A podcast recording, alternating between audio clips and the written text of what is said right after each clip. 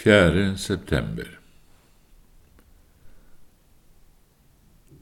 Dagens andaktsord er hentet fra Romerbrevets åttende kapittel og fra versene 19 og 21 og lyder slik i Jesu navn. Skapningen venter og lengter etter at Guds barn skal bli åpenbart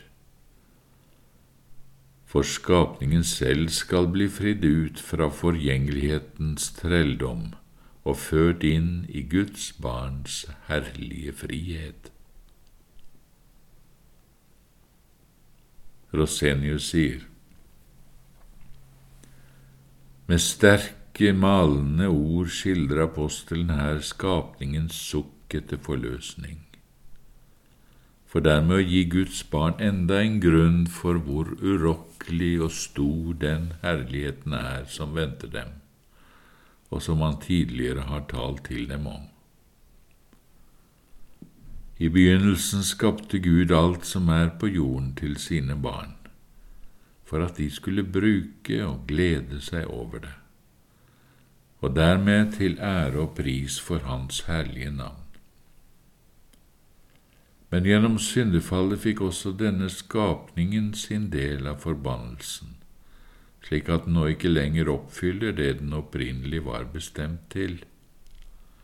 Dels fordi den nå ikke tjener Guds barn slik som den skulle ha tjent dem hvis synden ikke hadde kommet til verden, men tvert imot mest tjener, tjener Skaperens fiender og motstandere ja, den tjener helt konkret synd, fordi den misbrukes av de fleste mennesker til synd. Så er da dette en undertrykkelse eller trelldom som skapningen lider under, mot sin vilje og uten sin skyld. Det var for syndens skyld at Gud etter syndefallet la skapningen under forbannelse og trelldom. Men dette misforholdet skal likevel ikke alltid vare. Skapningen ligger under forgjengelighetens trelldom, men med det håp at den en gang skal bli fridd ut fra dette og ført inn i Guds barns herlige frihet. Dette er det vesentlige i det budskapet vi har foran oss her. Men profetene taler ofte om den fornuftsløse skapningen som om det var fornuftige vesener. Som når det for eksempel sies at fjell og høyder fryder seg, at trærne klapper i hendene, at sol og måne, villdyr og fisker lovpriser Herren, på samme måte ser også apostelens åndelige øyne hele skapningen som i en lidelse, en urolig lengsel etter å nå fram til målet. Han hører skapningen sukke og uroes mens den venter på forløsningen for Guds barn og for seg selv fra trelldommen og dette holder apostelen fram for å styrke og oppmuntre alle kristne. For det første med den visshet, den garantien for at vår herlighet skal bli åpenbart, som ligger i at hele skapningen først når sitt mål samtidig med at Guds barn når fram til sin endelige, herlige frihet. For Guds barn må da ha et annet og bedre liv i vente. Den nåværende verdensorden kan ikke være den rette, eller den Gud i begynnelsen hadde som mål.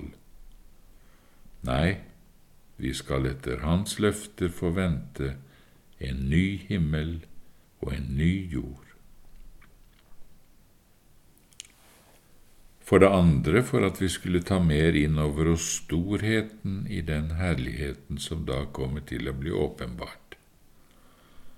Når hele skapningen skal fornyes og forherliges, så all dens herlighet åpenbares.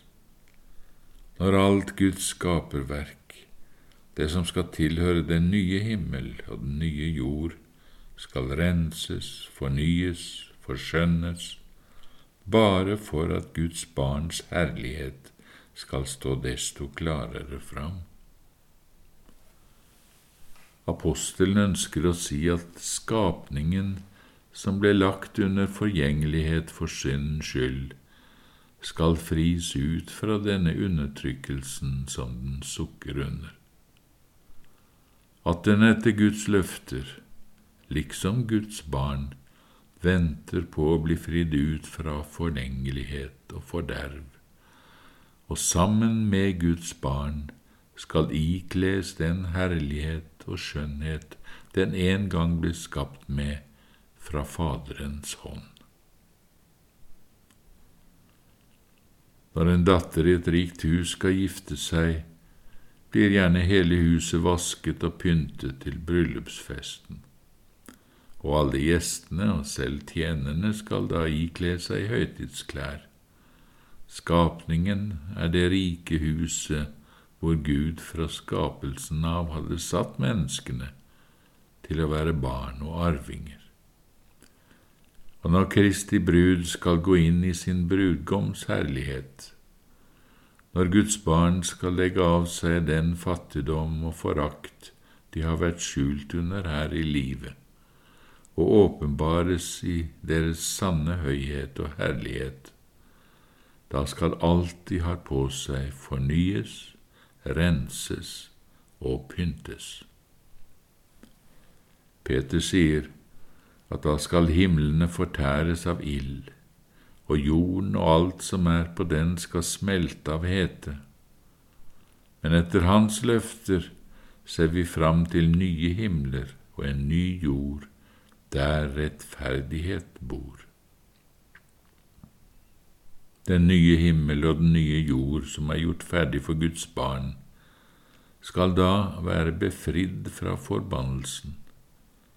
Da skal det gjenopprettes i den fullkomne tilstand alt hadde fra begynnelsen, da Gud så at alt det han hadde gjort, var bare overmåte godt. Teksten vår sier at skapningen venter og lengter etter at Guds barn skal bli åpenbart. Grunntekstens ord for venter og lengter skildrer egentlig det å vente på en slik måte at en på tå med utstrakt hals ser etter den en venter på. Lutemann ser derfor her et bilde på en flokk mennesker som lengter så inderlig etter å få se sin elskede konge komme, at de strekker seg alt de kan for å se over hverandre om kongen snart nærmer seg. Slik venter også hele skapningen i inderlig lengt etter noe. Og hva er så dette som de lengter så inderlig etter? Ja, apostelen svarer, etter etter at Guds barn skal bli åpenbart. Her i livet er Guds barn så skjult, dels under all deres egen skrøpelighet, dels under dette livets vanskeligheter, kors og lidelser, så de ofte ikke engang selv vet hvem de er, og langt mindre kan verden kjenne dem. Men en gang skal deres skjulte herlighet skinne fram, og det venter hele skapningen på med inderlig lengsel.